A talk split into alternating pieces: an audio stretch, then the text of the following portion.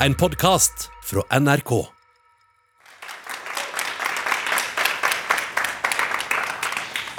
Velkommen til debatt her på Studentersamfunnet i Trondheim.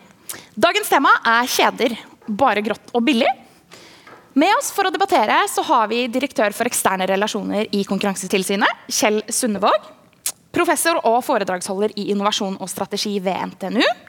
Det er Alf Steinar Sætre og leder for miljø- og næringskomiteen i Trondheim kommune fra Arbeiderpartiet. Det er Jørn Arve Flått. Mitt navn er Martine Lysbo, og jeg er kveldens ordstyrer.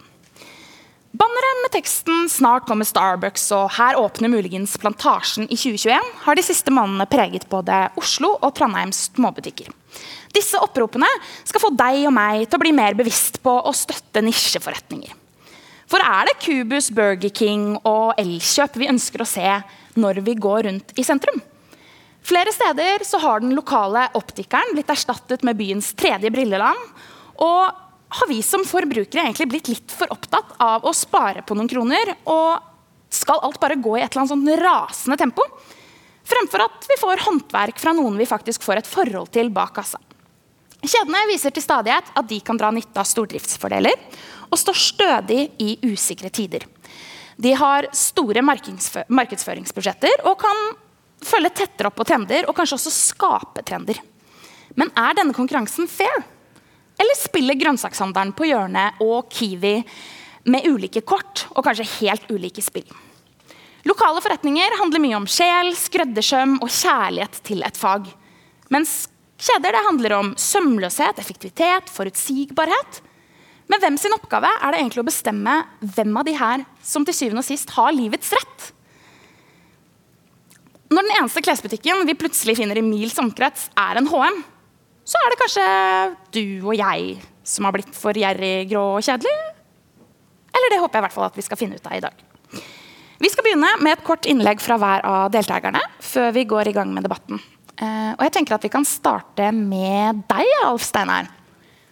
Du har jo sendt meg en liste med forskjellige ting som vi kan snakke om. Fra forbrukervaner til startups, til bybilde, til økonomisk vekst, eh, til arbeidsplasser og produkter og tjenester og mangfold av tilbud. og Det er det siste jeg har tenkt å plukke opp og si litt om. Og grunnen til at jeg valgte å plukke opp det temaet, det er for så vidt relatert til det du snakket om utvalg av butikker og klær, og i det hele tatt, er at i det siste har jeg vært opptatt av hvordan ledere tolker signal fra omgivelsene. Og Dette her er for så vidt relatert. Dette med mangfold og tilbud er relatert til det. Det jeg vil si litt om innledningsvis er det vi kaller for the paradox of choice, eller som vi på norsk har oversatt til valgets kvaler. Vi tenker ofte at dess mer vi har å velge i, desto bedre er det. Det er det vi kaller positiv frihet, eller frihet til å. Men forskning viser at det, dette her er ikke nødvendigvis tilfellet, og det er jo for så vidt interessant i seg sjøl. La oss ta et eksempel. Om du driver en syltetøyfabrikk, er det da best å lage seks typer syltetøy, eller er det bedre å lage 24 typer syltetøy? Vel, Det var et eksperiment eh, som ville sjekke dette. og De satte opp to stender. En med 24 typer syltetøy du kunne smake, og en med seks typer syltetøy du kunne smake. Ikke overraskende så tiltrekte den standen med 24 typer syltetøy seg litt flere mennesker enn den som bare hadde seks.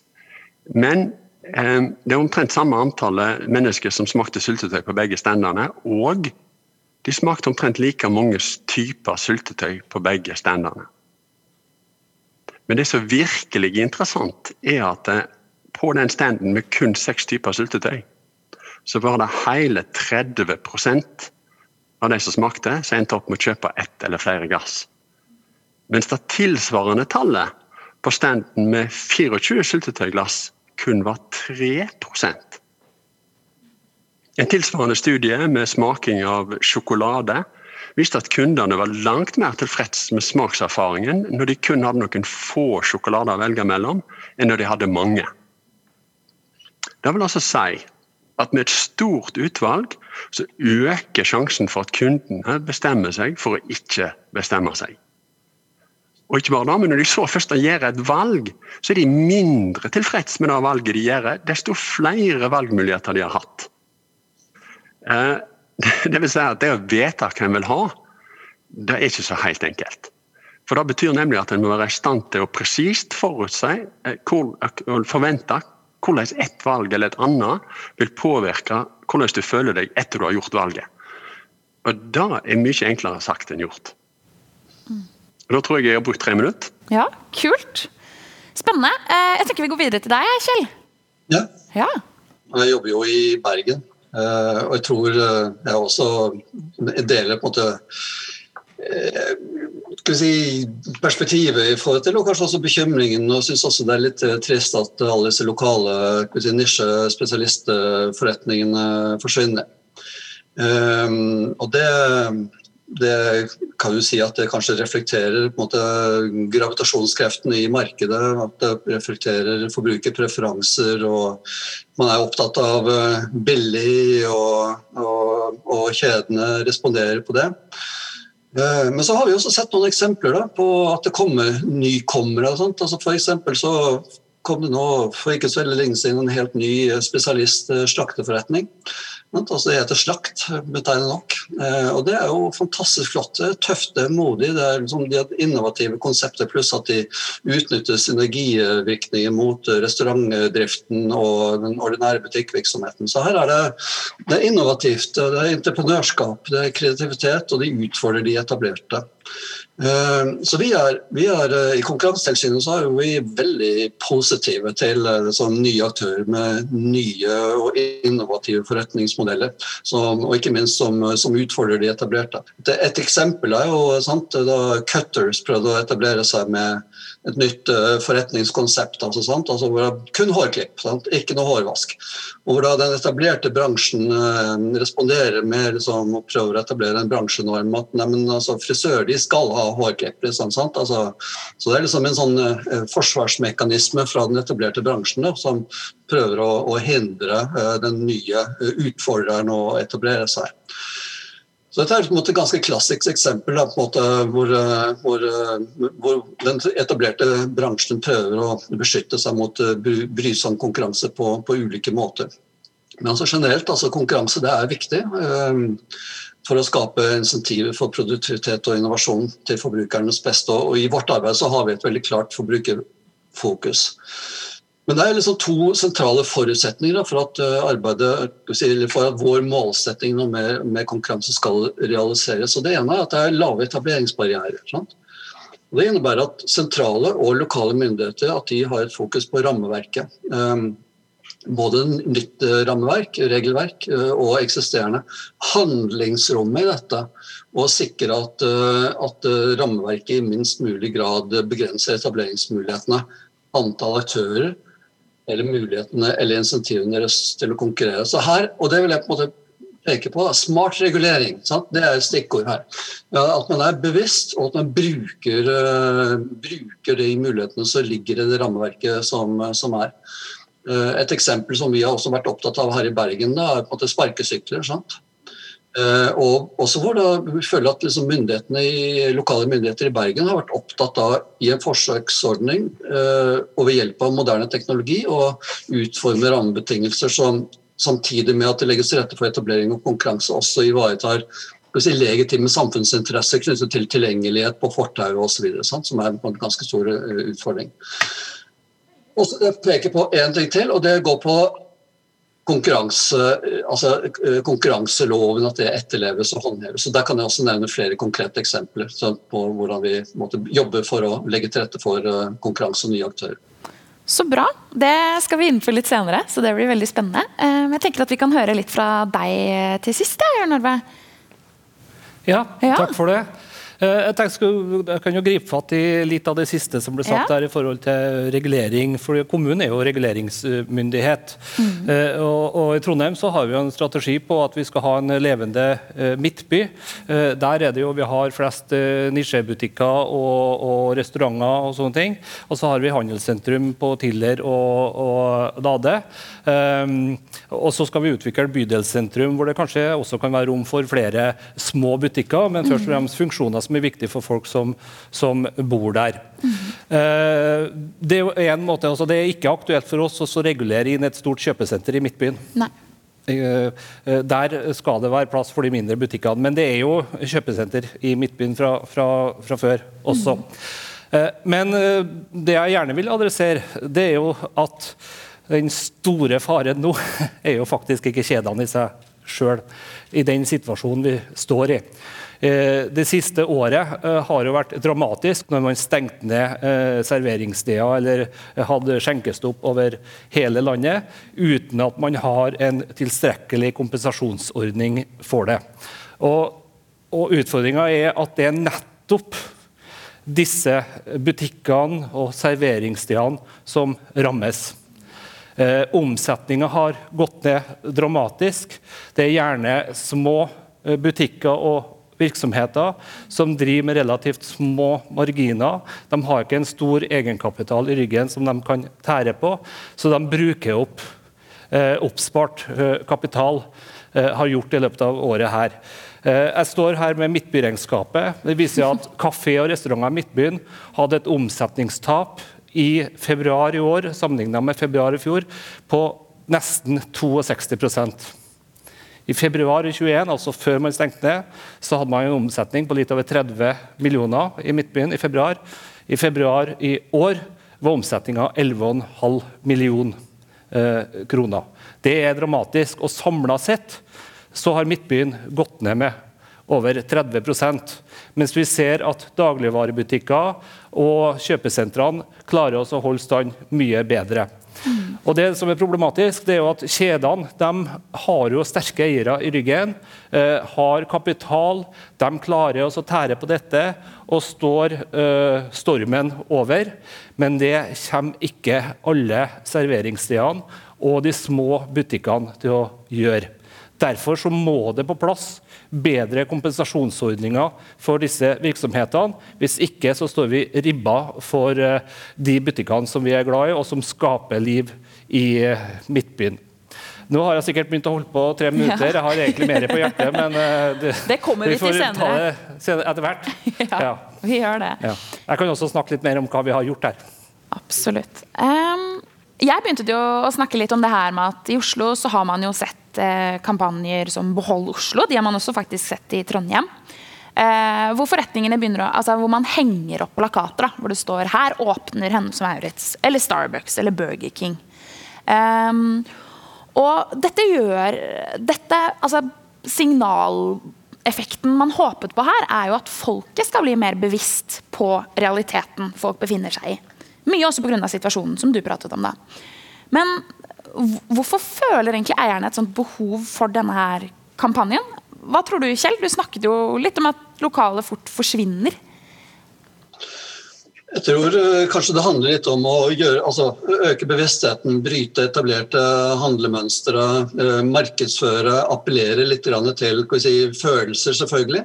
Eh, og det er jo en, si, en, en helt grei strategi. Altså, som, som, de bruker for, å få et kundegrunnlag. Og, og si, gjennom å appellere til de som er opptatt av, særlig opptatt av dette, få et, et kundegrunnlag og en bevissthet kvalitet, og, og, som også er forutsetning for å kunne lykkes. Så, så i utgangspunktet så, så, høres det jo ut som en, en god eh, strategi altså for å uh, etablere et kundegrunnlag som, uh, som, er, som de ønsker å, å, å adressere. Mm. Mm. Men Alf Steinar, disse kampanjene er jo på en måte et rop om hjelp. Har de effekt? Det vet jeg ikke, jeg har aldri sett en sånn kampanje, men Nei. det kan de jo godt ha. For de har et, visst sånn lokalpatriotisk element i seg at eh, Burger King er en stor amerikansk kjede, og her sitter vi som en lokal bedrift. Så, mm. så at de har en effekt, det, det tror jeg nok, men uh, dette det, det, har jeg ikke sett i, i, i praksis. Du jo, Hvis du snakker om burger joint, så har vi jo flere gode lokale sånne i Trondheim som mm. uh, jeg tror de som de som liker burger veldig godt, for nok foretrekker både til Burger King og McDonald's. Mm. Ja, ikke sant. Jon Arve, du hadde et innspill? Ja, altså jeg tror Det er jo krevende å stå opp mot kapitalkreftene. Mm. Men forbrukermakta er også sterk. Ikke sant? Eh, og Vi har jo noen eksempel, eh, som ikke er bare i Trondheim, men jeg tror det er over mm. hele landet, eh, innenfor eh, mat. Mm. Eh, F.eks. Reko-ringen Eh, hvor det er produsenter som eh, tar imot bestilling på internett og som kjører ut varene til et leveringssted, slik at kundene kan komme og hente uh, der. Vi har Bondens Marked, det er jo en kjempesuksess i, i Trondheim. Det er jo et eldorado av forskjellige uh, utvalg uh, der, og folk kjøper. Men det er klart det handler også om pris, mm. og det handler om kvalitet. Mm. Også Kvaliteten er det ingen tvil om på Reko-ringen og Bondens Marked. Du får ypperlig råvarer fra det lokale markedet, som er en kvalitet i seg sjøl. Eh, eh, men det er klart, eh, prisen er noe høyere. Mm. Og forbrukerne kikker jo også gjerne etter det som er gunstige priser. Ikke sant? Jeg hadde en diskusjon med en eller sto og prata med en kar som driver i, i, i, klesbransjen, som var veldig frustrert over tolldagene som var i Trondheim. Mm. For han drev en, en, en, en selv, altså, frittstående butikk. Og hadde problemer med å være med på disse tolldagene hvor man setter ned prisen med både 50, 60 og 70 uh, prosent. Og var frustrert over forbrukerne som benytta seg av de tilbudene. Ja. Men ok, jeg vet ikke, det er kanskje svogerforskning, men man, på seg selv kjenner man andre. Jeg vet jo at Hvis jeg skal ut og kjøpe meg dongeribuks, mm og så får jeg anledning til å kjøpe Levis-buksa, tendens til å kjøpe Levis-buksa, eh, eh, til 70% rabatt, så får jeg buksa for 300. Da, eh, da, kjøper blir, da, kjøper jeg kanskje den, i stedet mm. for å betale 2000. Mm. Eh, selv om jeg fra et ideologisk perspektiv kanskje burde ha valgt annerledes. Ja. Men det handler jo om forbrukerens evne til å, og, og vilje til å så uh, bruk ekstra penger også. Mm, absolutt. Og der er du på en måte inne på noe. Um, og Steinar, hva tenker du om det Jørn Arve sier her? Hvordan, hvordan er egentlig vi forbrukere i dag? Stemmer det han sier? Har vi blitt krevende? Hva er det viktigste for oss? Ja, Det, det varierer fra konsument til konsument, men vi er blitt mm. mye mer altså, um, um, våre preferanser endrer seg mye hurtigere enn det de ja. uh, gjorde før. Mm.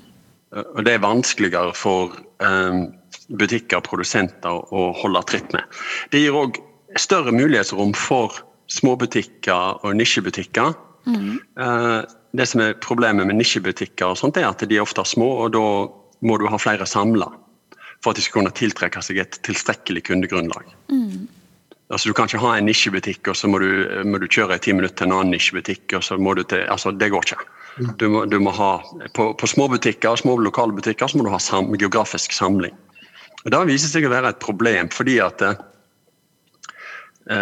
for handel så blir jo Midtbyen i Trondheim mindre og mindre attraktiv. Mm. Fordi det er stadig omlegging av kjøremønster, parkering blir vanskeligere og dyrere. Mm. Og det som er at når du, når du først tar deg en bytur og skal gå på handel i disse butikkene, så tar du gjerne bil, for det er en base.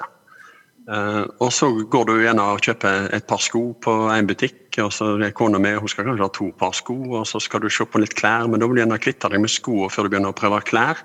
Mm. Uh, og så skal du kanskje gå og ha noe elektronikk, og så går du kanskje på kafé, og så tar du liksom etter noen timer i byen. Uh, og det blir slitsomt hvis du må ta buss og styre med pikkpakk hele veien. Um, og så er det òg um, sånn at det, litt og litt av kundegrunnlaget eh, forsvinner. Og i og med at vi her snakker om en marginbusiness, så får det betydning. Eh, til slutt er det bare de som bor igjen i byen, eh, som driver og handler i byen. Fordi at transport blir, logistikk blir et problem. Ikke sant? Og, og da får du, Det som skjer videre da, i byutvikling, det har vi sett både i andre norske byer og i utlandet, er at etter hvert så eh, dør bysentrum, blir ganske stille på dagtid. Det blir kanskje et forretningsdistrikt, eh, men det er ikke noe aktivitet, det er ikke noe fottrafikk på dagtid. Eh, og Da sitter du igjen kanskje med barer og restauranter på kveld og nattklubber, så du får kanskje i beste fall et, et, et kvelds- og natteliv. Men det medfører jo igjen andre ting. At de som da bor i sentrum, syns det er mindre attraktivt, for da du leven på natta. Ja. Så du får en sånn syklus som kanskje ikke er helt uh, eh, ønska.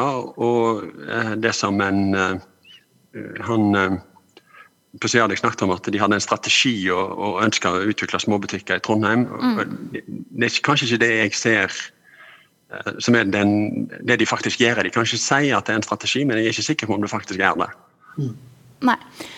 Du lytter til debatt i P2 fra Studentersamfunnet i Trondheim, og dagens tema er kjeder. Nå snakker vi litt om dette her med utviklingen i bysentrum. Og hvilke problemer det byr på. da, At vi forbrukere kanskje har fått oss litt andre vaner og bryr oss om pris, om at det ikke går an å parkere i nærheten osv. osv. Men eh, bør produkter og tjenester det på en måte er etterspørsel etter og, og prisen i seg selv, da bør det styre næringsutviklingen og hvilke butikker som skal få lov til å opptre? Hva tenker du, Kjell? Altså det, det, som jeg sier, det er på en måte litt sånn uh, markedets uh, gravitasjonskrefter her, selvfølgelig. Mm. Um, som, som, vil styre dette. Men samtidig så er det viktig å huske på at forbrukere er ikke noe homogen gruppe. Og det er, så det er på en måte mange forbrukere som, som på en måte har altså mange er opptatt av, av, lave priser og på en måte få dekket en, en del mm. grunnleggende behov. Og, jeg eh, er ikke så opptatt av måte, kvalitetsmessige aspekter. du nevnte Reko-ringen Reko ble nevnt i sted. så det er et veldig godt eksempel. egentlig, altså, hvor, du har en, Man adresserer kanskje et nisjemarked. Det har blitt større og større. Um, vi har forbrukere som er opptatt av god dyrevelferd, eh, som er opptatt av lavt miljøavtrykk, eh, som er opptatt av si, kort, kortreist mat, som er opptatt av å handle direkte med produsent, som også uten, uten mellomledd igjen, og, og lavt matsvinn, så er det veldig mange måte, aspekter ved det som tiltaler ganske, og en økende andel av forbrukere. Men der handler det på en måte fra, fra sin side så handler det litt om å legge til rette for det. fordi det, En utfordring for Reko-ringen bl.a. kan jo rett og slett være å få egnede utleveringssteder. Mm. Så da kan, måte, kan man på en måte nudge litt i denne markedsutviklingen litt, legge litt til rette, bruke de virkemidlene som, man, som lokale myndigheter har da, for å påvirke dette. På samme måte, altså, også lokalt i bykjernene, så, så, har man på en måte ulike virkemidler der også, sant, som man kan uh, bruke for å, for å påvirke uh, og legge til rette for etableringsmuligheter da, for, uh, for de som ønsker å adressere nisjedeler av markedet, og som ønsker å utfordre de etablerte kjedene. Så man har et, man har et handlingsrom her, rett og slett. Altså. Og nå er du inne litt på det her med, med hvordan vi kan regulere da, eh, markedene våre. Både, og da særlig kanskje kommune og stat. Og bør det ha, ha, Har små lokale bedrifter livets rett uansett hvilket tilfelle? Hva tenker du, Jørn Arve? Ja, akkurat eh, I dag så er jeg litt usikker, mm. men det er jo en veldig spesiell situasjon som, vi, uh, som er krevende å diskutere uh, ja. i den store uh, sammenhengen. Men jeg vil svare litt på det Alf Steinar sa. Enten så har jeg mm. uttrykt meg uklart, eller så har han misforstått. Fordi at, vi har ikke en strategi på at vi skal ha nisjebutikker, men vi har en strategi på at vi skal ha en levende midtby, og ønsker gjerne å legge til rette for det. Ja. Men vi er jo reguleringsmyndighet. det vil Si at vi mm. kan si at i det og det området så åpner vi for at det skal være handel. Og hvor stort handelsarealet kan være. Vi kan også si noe om hvilken type handel mm. det skal være. Men når en gårdeier skal leie ut uh, sin gård mm. til en butikk, så er det ikke slik at det er opp til, til bystyret i Trondheim å bestemme om det er Elkjøp eller om det er en uh, liten nisjebutikk som skal uh, flytte inn i det, de lokalene. Mm. Den type myndighet har vi naturlig nok ikke. Og så er det det med eh, det er jo mye debatt om parkering og, og bil. Mm. Eh, og Det er selvfølgelig en utfordring. Eh, men vi bor i en by som vokser med 2500-3000 innbyggere hvert eneste år. Mm. Det er en mellomstor norsk kommune som flytter til Trondheim ja. hvert år. Det betyr at det blir veldig plasskrevende hvis alle skal ned i Midtbyen og kjøre bil. Det går ikke. Så hvis vi ikke hadde tatt grep, så tror jeg situasjonen for Midtbyen hadde vært langt verre enn den er i dag. For da hadde det vært trafikkork. Mm. Og det er jo ingen i dag som er lei seg fordi at man har ruter om trafikken til å ikke gå gjennom Trondheim torg, eller at vi laga gågate i Nordre. Eller at vi har bygd ut sykkelfelt og bedre forhold for de myke trafikantene. Mm. Og Dette er også grupper som legger igjen penger i Midtbyen. Uh, slik at Eh, hvis man skal drive litt sånn kontrafaktisk historie her og prøve å se for seg hvordan byen har sett ut hvis vi ikke tar de grepene knytta til, eh, til å, å, å, legge mindre til rette for bilen og mer til rette for syklister gående, og ikke minst kollektivtrafikken, mm. eh, så tror jeg at det hadde vært en, en negativ historie for, for Midtbyen. Mm. Eh, Ja. Nå visste jo faktisk, bare for å ha sagt det på tampen her, altså Før Ja. koronaen tok oss, og før de tallene jeg viser til her, Mm. så visste faktisk trenden at handelen var i ferd med å ta seg opp i Midtbyen. Mm. Til tross for alle advarslene mot hva som ville skje når metrobussen kom og når man la om uh, systemet. I januar 2020 uh, tro, jeg, jeg tar det litt på husken her, var, jeg tror det var 10% økning i handelen. Ja. Og nå er vi jo veldig så at, eh, og vi er jo litt lei oss eh, for at koronaen kom, selvfølgelig, og vi er også lei oss for at vi ikke fikk se den utviklinga videre. Da, om, det, om, om det var en trend som ville ha fortsatt eller ikke. Det, det får vi aldri svaret på. Nei, og nå er vi inne på veldig sånn veldig lokalpolitisk, da. Eh, men ofte i politiske debatter generelt så hører man jo veldig mye om dette her med fri konkurranse eller ikke, og og hvor den grensen ligger. Um, og Alf Steinar, du var jo inne på dette med paradox, paradox of choice, og da, der, er det jo på en måte der legges det jo um, i innledningen din. Og hva tenker du hva tenker du om denne frie konkurransen? Er den kanskje for fri for oss forbrukere nå? Tja, det spørs hvilket markedssegment og hvor du er hen i verden. Um, sånn den um, Det som har vært tilløp til i USA med nesten helt uregulerte marked, er jo skummelt. Det ser vi på uh, ja, Ta f.eks. Facebook og den debatten der. Der har det vært manglende regulering som, Ja. som uh, har vært et problem. Og Det samme gjelder for så vidt de amerikanske finansmarkedene, som er rett og slett underregulert. Um, samtidig så er det grøfter på begge sider av reguleringsveiene. reguleringsveien. Det å regulere for mye, mm. det, det, er, det er grøfter der òg. Så det å, ha, det å finne riktig reguleringsnivå um, ja, det er viktig, og det, og det er vanskelig. Og, og, og det er heller ikke noe som er stabilt. Det er noe som utvikler seg hele tida. Fordi markedet utvikler seg hele tida, og kundepreferanser utvikler seg hele tida. Ja, ikke sant? Og når vi da ser disse fremveksten av store kjeder i Norge med ganske stor markedsmakt egentlig også, er det da Konkurransetilsynet som sover i timen, eller hvem er det som må ta eh, tiltak, tenker du Kjell? Nei, jeg tenker at uh, altså det, er jo, det, er jo ikke, det er jo ikke forbudt å måte, konkurrere og bli stor altså, uh, gjennom å tiltrekke seg kunder. Uh, jeg tenker litt på, si, dette som det liksom, Markedet fungerer best når, det egentlig, liksom, når alle følger spillereglene, når vi slipper egentlig å gripe inn. sant? Ja. Men, men jeg tenker litt på det som en fotballkamp. altså det er sånn som, eh, altså Fotballkampen er best når dommeren ikke griper inn, sant? og så alle følger eh, reglene. Men av og til så, så, så, så er det skittent spill. eh, Og dommeren må dra fram det røde kortet. Eh, Eller det gule kortet. Og, så vi er, vi er litt der. Altså Kampen er best uten at vi trenger å gjøre noe, men av og til så, så må vi dra fram kortet. Og så ser vi av og til som at eh, disse store dominerende aktørene at de, de spiller skittent. altså De bruker ulike virkemidler for å hindre konkurransen, for å begrense nyetablering osv. Da, da har vi virkemidlene. sant? Altså Vi har ganske sterke og inngripende virkemidler. og, og Dere har kanskje lagt merke til noen av de bøtene som vi har varslet eh, de siste året. Det er ikke små beløp. altså sant? Nei.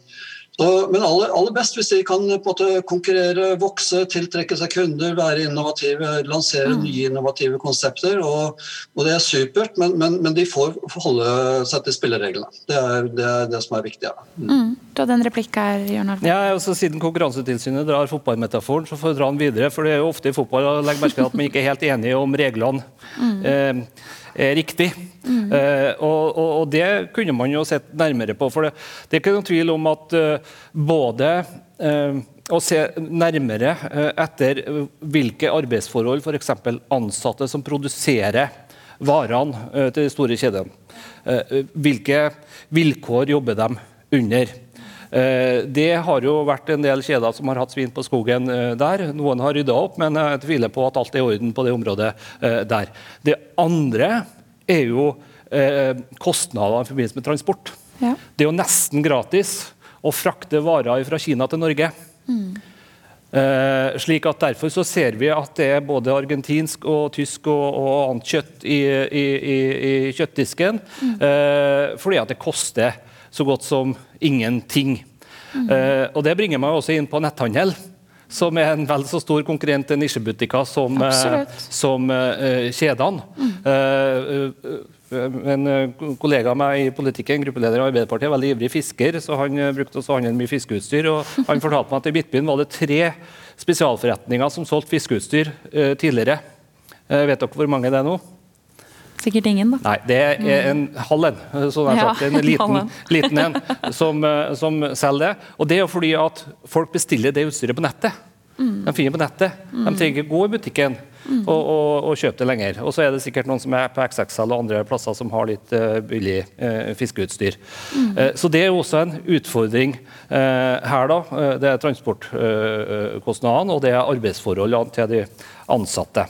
Altså ø, ø, Arbeidsforholdene til de ansatte som produserer ting. Og så kan vi heller ikke glemme at det er verdifulle arbeidsplasser disse kjedene også bidrar med. for å si Det At det er like viktige arbeidsplassene i Burger King og Hennes og Maurits mm. som andre plasser. Bare for å nevne det òg. Men Kjell, du var, du var inne på det her med at man eh, nesten blir en slags dommer, da, som forhåpentligvis ikke griper inn. Men når noen, hva skal til da, for at man må gripe inn?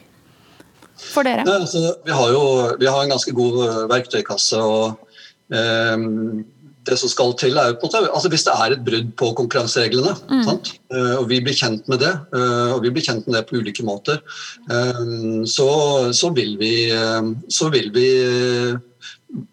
undersøke det. og om nødvendig gå på bevissikring. og Finner vi at det er et uh, brudd på konkurranseloven, så, ja, så griper vi inn. Det er på en måte brudd på altså forbudet mot ulovlig altså konkurransebegrensende samarbeid, eller at man misbruker dominerende posisjon. Men så blir, har vi også fusjonskontrollen som er viktig i denne sammenhengen. her, sant? Altså vi, vi prøver å, å, å følge nøye med på hva som skjer av eh, foretakssammenslutninger. og I den grad vi ser at eh, foretakssammenslutninger kan begrense konkurransen til ulempe for forbrukerne, så har vi muligheten for å, for å stoppe, stoppe dette.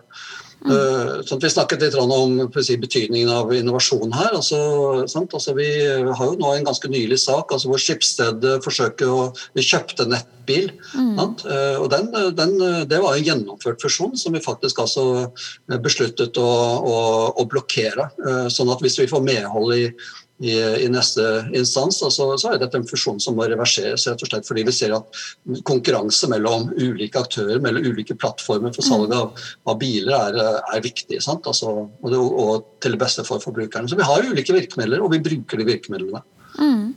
Men nå er jo du litt inne på det her med at uh, disse markedskreftene, da. Hvordan får man egentlig de markedskreftene her til å fungere best? Og, og hvem gjøres det for, tror du, Olf Steinar?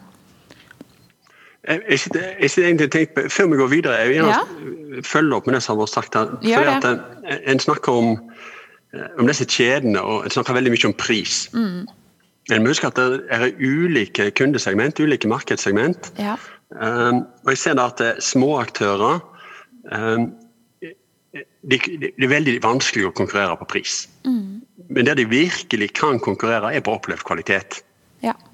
Eh, og det ser jeg vi, vi får nå. Vi begynte med det pga. pandemien, men vi kommer helt sikkert til å fortsette med det. det er, vi, vi kjøper jo nå eh, grønnsaker, og på sommeren frukt. Eh, vi kjøper ost, eh, kjøtt, eh, sånn eh, spekemat, eh, og jeg vet ikke hva de har. Men det er liksom, når vi bestiller en ost fra en eller annen ysteri ute på eh, Fosen eller hvor det er henne, så, så, så spiller det veldig liten rolle hva den osten koster på på Rema, 1000. for det første så har de ikke den osten på Rema 1000. Men altså, det, det er ikke, prisen er totalt komplett knekkende likegyldig. Det er opplevd kvalitet som, som er kriteriet i, på sånne ting. Og det, det, det er der disse små aktørene må, og det er, de, det er det de konkurrerer på, de som har suksess. ja. Eh, De som begynner å tenke på at de skal konkurrere på, på pris på en gardtust og ost, de har jo misforstått hele opplegget.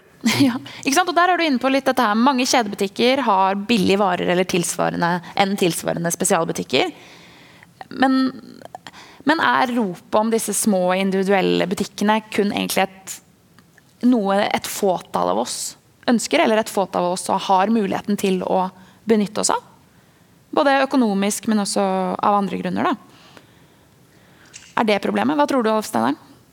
Nei, jeg tror, at, jeg tror det segmentet som bryr seg om opplevd kvalitet, er økende. Uh, Så det er et økende antall mennesker egentlig som gjør det. Ja, og det ser jeg for det, det en annen ting som jeg har lagt merke til de siste ti årene på, på Indøk.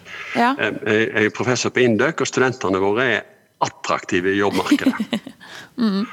For ti år siden så den som virkelig hadde gjort det stort, det var den som kom inn på kontoret mitt og hadde det høyeste lønnstilbudet. Det var liksom den beste jobben. Ja, Det er sånn man bedømmer hvorvidt det er den beste jobben. Ja. Ja, så, Sånn var det for ti år siden. Det er ikke lenger tilfellet. Nå kommer studenter inn på kontoret mitt og sier at eh, nei, jeg, eh, jeg hadde flere jobbtilbud, men jeg takka nei til den, og det er kanskje 50 000-100 000 kroner mindre, men denne jobben var mer meningsfull. Ja. Denne jobben var mer meningsfull. Eh, og det, altså, du ser, det, dette her endrer seg. Eh, og det er fordi at det, En ting kan være at lønnsnivået på, på altså Startlønnsnivået på indøkerne er såpass høyt at 50 000 til eller fra er mindre viktig enn hva innholdet i jobben er. Det syns jeg for så vidt er et, et godt tegn, at folk bryr seg om hva de skal jobbe med, mer enn hvor mye de skal tjene. Uh, og Du ser litt den samme tendensen i, vi, eh, som forbrukere òg. At det blir viktigere for oss uh, altså, hvor, hvor, er her, hvor er disse tomatene dyrka? Hvor langt har de reist? Og hvor ferske er de? Og, og smak er viktigere enn akkurat pris per kilo. Ja, ikke sant? Og Jørn Arve, du er jo politiker i Arbeiderpartiet. Hva tenker dere om Legger vi til rette for alle? Hvem er det vi skal legge til rette for? Nei, Vi ønsker jo å ha et stort mangfold, mm. og, og vi ønsker jo også konkurransen eh, velkommen. Men det er klart, altså det er vanskelig å være uenig i det Steinar sier, men samtidig, det forutsetter jo at det er et stort nok marked som er betalingsvillig da, eh, for denne opplevde eh, kvaliteten. Ja. Eh, og vi er jo også opptatt av at det faktisk skal være slik at det aller helst er ting folk flest kan ha glede av. Eh, eh, slik at eh, det er jo en del som har eh, eh, kritisert denne matsatsinga som har vært i, i Trondheim og i, i Trøndelagsregionen, og mener at det er noe som er for, eh, for fiffen. Og det er klart, eh, Credo og Britannia og, og de Michelin-restaurantene som har dukka opp, eh, det er jo ikke ja, det er ikke hver dag vi har råd til å gå der, og alle har ikke råd til å gå dit i, i, Eller noen har ikke råd til å gå dit i, i hele tatt. Ja, for Du sier Men- at, du opptatt, men- ja, at du er opptatt av mangfold, men hva gjør dere i næringskomiteen da, for å Nei, altså legge til rette for det? Det som, f.eks. for eksempel, det som vi har hatt de siste vi har holdt på med det faktisk i ti år. Jeg kommer stadig tilbake til mat, her, for det, er et godt eksempel Ja. eh, med noe vi har lyktes med i, i, i, i Trøndelag. Eh, Det er over ti år siden man laga noe som het for det trønderske matmanifestet. Det dreide seg i all korthet ut på at man skulle eh, eh, stimulere til økt lokal matproduksjon og foredling av lokale eh, råvarer, og at vi skulle få dette ut i restaurantene og i butikkhyllene. Ja. Og det har vi lyktes veldig godt med. slik at, eh, og det, altså, det, det som har skjedd nå når vi ble eh, hva heter det, region of gastronomy eh, Dessverre kanskje ble ikke det helt som vi så for oss med koronaen, men vi får nå se. da. Eh, så er jo det et resultat av, av denne satsinga, hvor man har hatt en målretta ambisjon om å løfte fram eh, det trønderske kjøkkenet og de trønderske råvarene. Og det har ikke bare ført til at vi har stjernerestauranter, men vi har faktisk fått bedre kvalitet på mat også i eh, andre serveringssteder som ikke nødvendigvis er helt eh, hva skal jeg kalle det, som, eh, altså ikke de, ikke de rådyre restaurantene, men, mm. men mat for folk flest. Eh, at man har fått øka den bevisstheten, og vi har skapt et næringsliv og arbeidsplasser rundt det.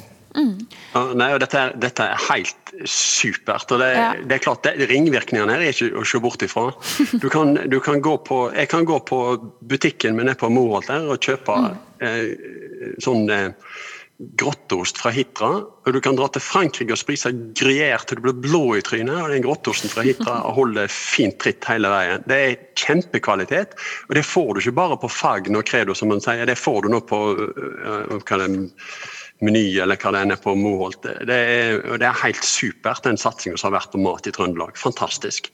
Ja, Du lytter til debatt i P2 fra Studentersamfunnet i Trondheim. Dagens tema er kjeder. Eh, og vi prater litt om, om det ønsket om kanskje høyere kvalitet. da. Eh, og Kjell, jeg så også du ville komme med et innspill her.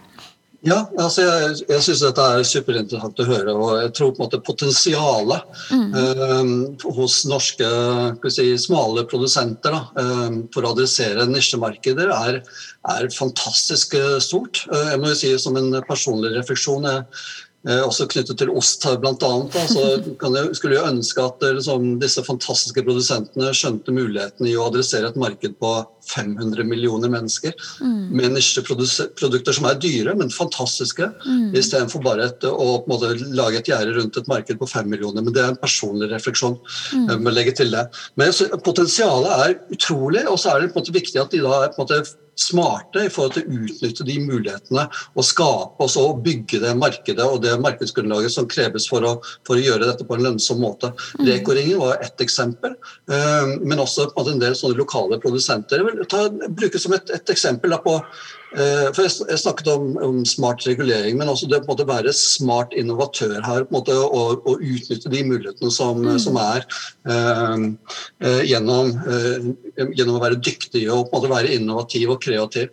Altså, vi har to spesialist-slakteforretninger eh, her i, i, Bergen. Den ene er, måte, har vært der lenge. Mm. Og det er noen veldig hyggelige folk der, og de har fantastiske Eh, produkter, mm. men det er veldig få folk i butikkene der. Sant? Så jeg er litt redd for at de ikke vil klare seg. Og så har vi den nykommeren.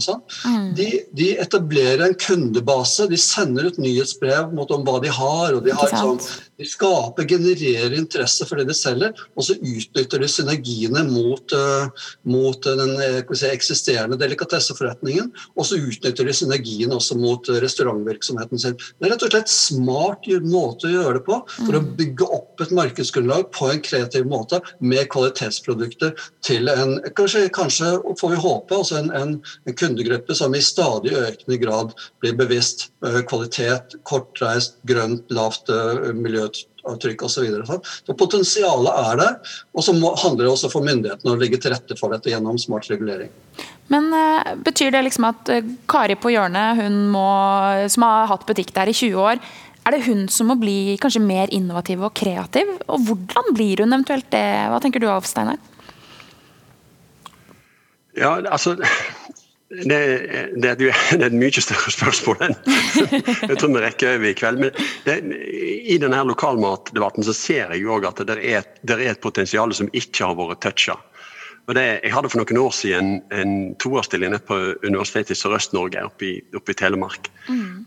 Og når jeg var der nede, så kom jeg over en sånn fantastisk brunost fra en fjellgård. Og den, den skulle jeg veldig gjerne ha tak i i Trondheim òg. Og det, det, er potensialet for Kari på hjørnet. For hun kan bestille 50 sånne oster, og så selger hun til sånne tullinger som meg som er fryktelig glad i brunost.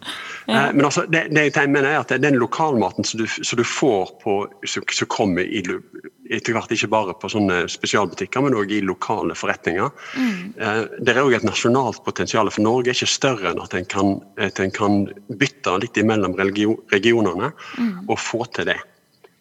Eh, eh, så der er det et kjempepotensial. Samtidig mm. så tror jeg òg vi i denne debatten og i iveren etter, etter gourmetmat og, og, kortreist og, og mm. Eh, og i det hele tatt, så skal vi huske på at det, det er faktisk en ikke ubetydelig antall mennesker som det eneste som betyr noe, er kiloprisen på de tomatene.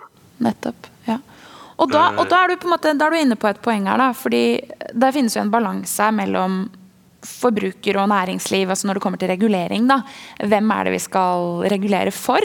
Og Kjell, i innledningen din så syns jeg faktisk at du uttrykte at det er på en måte forbrukeren dere setter et fokus på. Men så ser jeg også at samfunnsoppdraget deres er til å bidra til effektiv ressursbruk ved å fremme konkurranse til fordel for forbrukere og næringslivet i markeder i Norge. Men hvordan, hvordan sørger man for den balansen? Hvordan sørger man for å tilfredsstille begge deler? Mm. Altså hvis du tenker på regulering sånn spesifikt, Mm. eh, altså vårt, vårt perspektiv på regulering eh, er, er at eh, altså gjennom rammebetingelsene så, så adresserer man noen samfunnsmessige målsettinger som, Mm. som selvfølgelig er helt legitime. Altså det, er måte, det, er, eh, det er noen viktige målsettinger som man ønsker å oppnå, f.eks. Eh, si, eh, gjennom eh, Eh, sant? Altså, det kan være lokalt regelverk, eh, det kan være eh, arbeidsmiljølovgivning osv. Som, som er viktige, legitime målsettinger som man ønsker å adressere. Eh, og som det er viktig også at partene forholder seg til. Sant? Altså Man skal ikke vinne i konkurransen ved å jukse på å følge eh, regelverket, ved å la være å betale skatt eller sånt. Altså det, er viktig, på en måte, det er viktig. Men samtidig så er det viktig at, på en måte, at reguleringene ikke går lenger enn det som er nødvendig. med målsettingen. Sant? Ja. Og Det ser man i en god del tilfeller. At, at man eh, kanskje Kanskje de er litt sånn uforholdsmessige, kanskje de, rammeverket er mest tilpasset de store aktørene. Sant? Mens eh, de, ram, de, de små aktørene ikke har sjanse i havet til å, til å følge regelverket. og da, da går de under, rett og slett. Altså. Men at de rett og slett, ja, kanskje det kan være litt sånn differensierte sertifiseringskrav, eh, men samtidig ivaretar målsettingene bak det. Altså, så, det igjen handler om måtte, måtte være litt sånn bevisst på hvordan reguleringen påvirker konkurransen, samtidig som at man da ivaretar målsettingene bak reguleringen. det, det er noe, noe, som vi på en måte er uh, veldig opptatt av, og som vi faktisk også jobber med, med, med daglig. Sant? Altså at vi prøver å, å pushe reguleringene på en sånn måte at de si, legger til rette for konkurranse for nye etableringer, lave etableringsbarrierer. Mm. Samtidig som at vi har også er bevisst på at, at, det er helt legitime målsettinger bak de, bak de ram, rammebetingelsene. Men de kan, ja, man kan tenke på det på en, en, på en måte, smartere måte på en, på en, del, på en del områder. Så Der er på en måte der vi prøver å søke balansen. Vi ser at det er legitime målsettinger, men kan man realisere de på en måte som også på en bedre måte legger til rette for konkurranse gjennom f.eks. lavere etableringsbarriere. Så her er det tror jeg, et ganske stort uutnyttet potensial. Mm. Ja, Jørn Arve, hva tenker du om det? Nei, det Veldig interessant det mm. der. fordi at Det vi ser nå i koronatida, det er at man forsterker forskjellene mellom små og store, mm. og, og, og, og fattige og rike. Og det er klart, De, de store konsernene da, som er, er, har topp advokatbistand ansatt til seg og spissa kompetanse på, på, disse områdene, det har ikke de små og mellomstore bedriftene. Mm. Men ofte kan de kanskje du får korrigere meg hvis jeg tar feil, men ofte skal de forholde seg til samme type regelverk, som er ganske komplisert. Og Det ser vi jo nå når man snakker om kompensasjonsordninger for disse utsatte virksomhetene. At det er så vanskelig å forstå at de skjønner ikke hvordan de skal søke. Eller de skjønner ikke hva de skal søke på engang. Mm. Altså, det finnes ordninger der, men det er så vanskelig og komplisert å søke og forstå hva som er kriteriene for at man kan søke. Mm. At man får ikke til det, rett og slett. Man gir opp før man har begynt på. Mm. Det jo kanskje sånne ting som øh, Jeg vet ikke om det var det du siktet til, men, men som jeg tenker at, at, at, man burde kanskje se litt nærmere på. Øh, hvordan legger man forholdene til rette for at det faktisk skal være mulig for en som er interessert i å drive en butikk. Mm. Hvis du er kokk og åpner en restaurant, så er du fortsatt interessert i å lage mat. Mm. Ikke interessert i regnskap eller uh, regelverk. Uh, selger du klær, så er det fordi at du er interessert i mote eller å lage klær. Mm. Du er ikke interessert i juss. Men regelverket fordrer at du har den type kompetanse. At du må bruke uforholdsmessig mye tid på det. Ja. Ja, Kjell, hvordan gjør vi det? Jeg, jeg syns det høres veldig bra ut. og, og her, altså, liksom det at liksom, Barrierene for å utnytte seg av kompensasjonsordningene er lave, også tilpasset liksom, de små mm. uh, og mellomstore bedriftene, og at man ikke trenger en, en, en hærskare med uh, juridisk kompetanse. Jeg synes det er et supergodt poeng. Altså, sant? Mm. samtidig så har vi også vært opptatt av at kompensasjonsordningene utformes slik at de si, beskytter konkurransen heller enn enkelte konkurrenter. Ja. Det er jo også et, et poeng. Altså, så vi er, mest, vi er opptatt av, av, av, konkurransen og at kompensasjonsordningene utformes på en slik måte at, også at vi er godt rustet når vi liksom nå skal ut av krisen på en god måte. Ja, absolutt. Um, og det er jo nå har vi snakket både om nisjebutikker og om kjedebutikker, men, men er det alltid et mål da, som liten butikk å ville bli veldig stor og skulle selge seg videre osv.? Hva tenker du, Steinar? Nei, det bør i hvert fall ikke være det. Nei. Uh, det er kanskje en av uh, um, svakhetene med mye av entreprenørskapstenkningen i Norge, er at en tenker for tidlig på exit. Ja, ikke sant? Det så vi bl.a. Med, med Kahoot og hva som skjedde på NTNU, men det er kanskje en annen debatt. Uh, men det er, en tenker for tidlig på exit og skal, på, og skal mm. bli rik raskt. Det en kanskje må tenke på, er verdiskapning over tid og det å bygge, mm. bygge aktivitet, bygge arbeidsplasser, bygge ting. Mm. I stedet for å tenke på hurtig exit. Mm.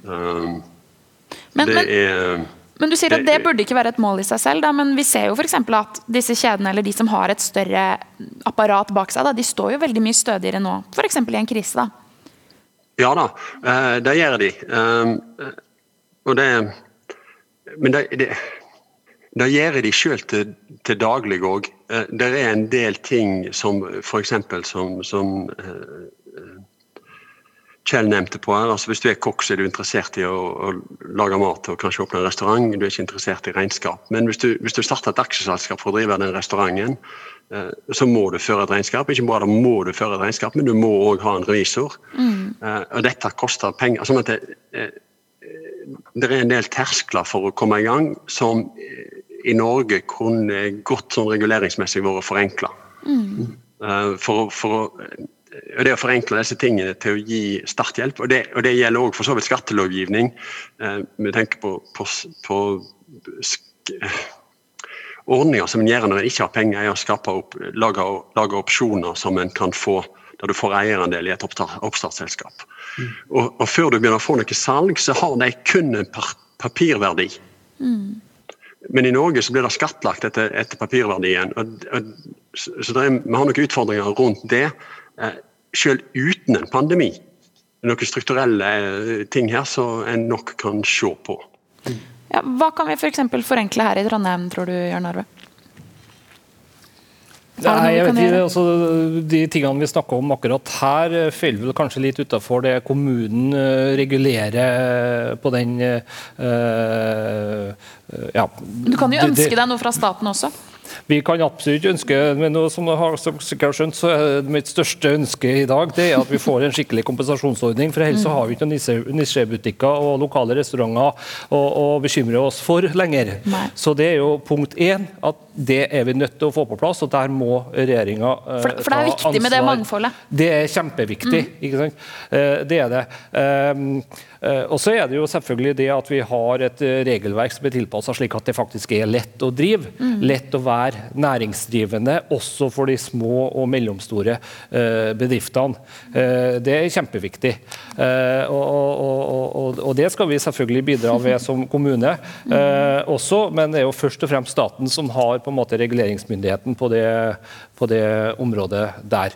Eh, og så skal vi i tillegg selvfølgelig bidra til det som jeg snakka om innledningsvis, at vi, vi, er opptatt av at vi skal ha en levende midtby. Det skal være kultur, det skal være restauranter, det skal være nisjebutikker. Altså de tingene som bringer kvalitet inn i en by.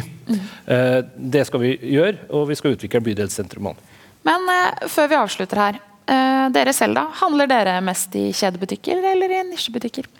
Jeg handler garantert mest i kjedebutikker, fordi at man er jo på dagligvarebutikken eh, flere ganger i, i uka. Mm. Og som folk flest så tror jeg er opptatt av at, uh, at jeg skal gjøre en fornuftig handel uh, når jeg er ute og, og, handler, og få mest mulig igjen for, for pengene. Mm. Så det, jeg må bare bryte sammen og tilstå ja. at jeg har nok en overvekt der. Hva med deg, Kjell? Nei, altså jeg må jo si at jeg har fått mer og mer sansen for Reko, så, så Ja. jeg, jeg liker veldig godt det. Og jeg på måte, er på, får oppdateringer på, på Facebook fra Reko og har jeg anledning til det, så, så handler jeg gjerne inn der. og Jeg syns det er et fantastisk konsept, og jeg syns det er veldig kjekt at, at det er også et konsept som, eh, som har, har vokst egentlig over all forventning. Altså, det, det er jo også omtalt i dagligvaremeldingen til, til regjeringen. Eh, og vi ser jo at, at Reko har vokst eh, langt over forventningene. Det er kanskje Supert. et uttrykk for at jeg har truffet eh, godt. Mm. Ja, Og kort fra deg også, Alf Steinar. Nisje eller Nei, altså, det, det er jo litt eh, Stiller du spørsmål om under Ja, pandemien det- eller til vanlig? Til vanlig. Nei, til vanlig? Nei, det blir en lett blanding av internett, småbutikker og kjedebutikker. Det skal jeg ærlig innrømme.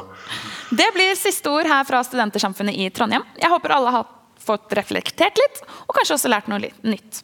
Takk til Alf Steinar Sætre, Kjell Sundevåg og Jørn Arve Flått. Mitt navn er Martine Lysbo, og jeg takker med dette for debatten. Du har hørt en podkast fra NRK. Hør flere podkaster og din favorittkanal i appen NRK Radio.